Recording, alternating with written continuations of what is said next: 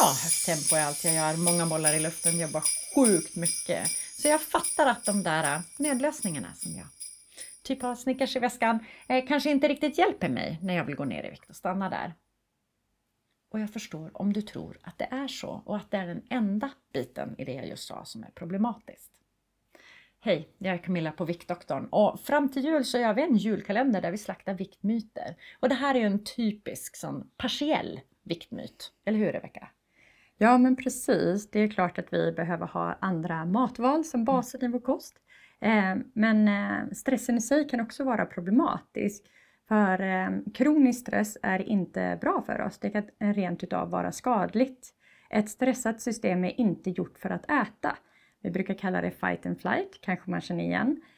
Och motsvarigheten till det är rest and digest, där kroppen får andas ut och kan hantera maten som kommer.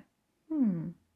På Viktdoktorn är vi väldigt fokuserade på forskning och jag vet att det finns en eh, specifik studie som du har tittat på som tittar verkligen på kopplingen mellan stress och övervikt. Vad säger den?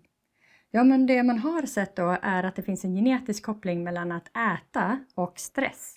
Där vissa eh, individer upplever att eh, det faktiskt lugnar ett stressat system om man äter.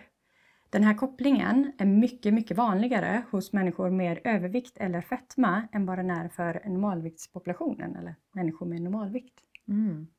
Så det jag hör är, det är att om man har en, en etablerad övervikt och man vet om att man lever en väldigt stressad tillvaro, då är det här någonting man behöver, ja, men man kan välja att se över för att man ska lossna eh, och börja gå ner i vikt. Ja, ta hand om din stress. Mm.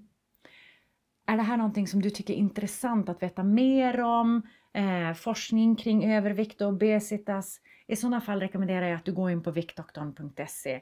Ja, det här är ju en kalender så vi kommer ju att ses imorgon igen, eller hur? Jamen. Och vi ser dig också om du vill. Ta hand om dig.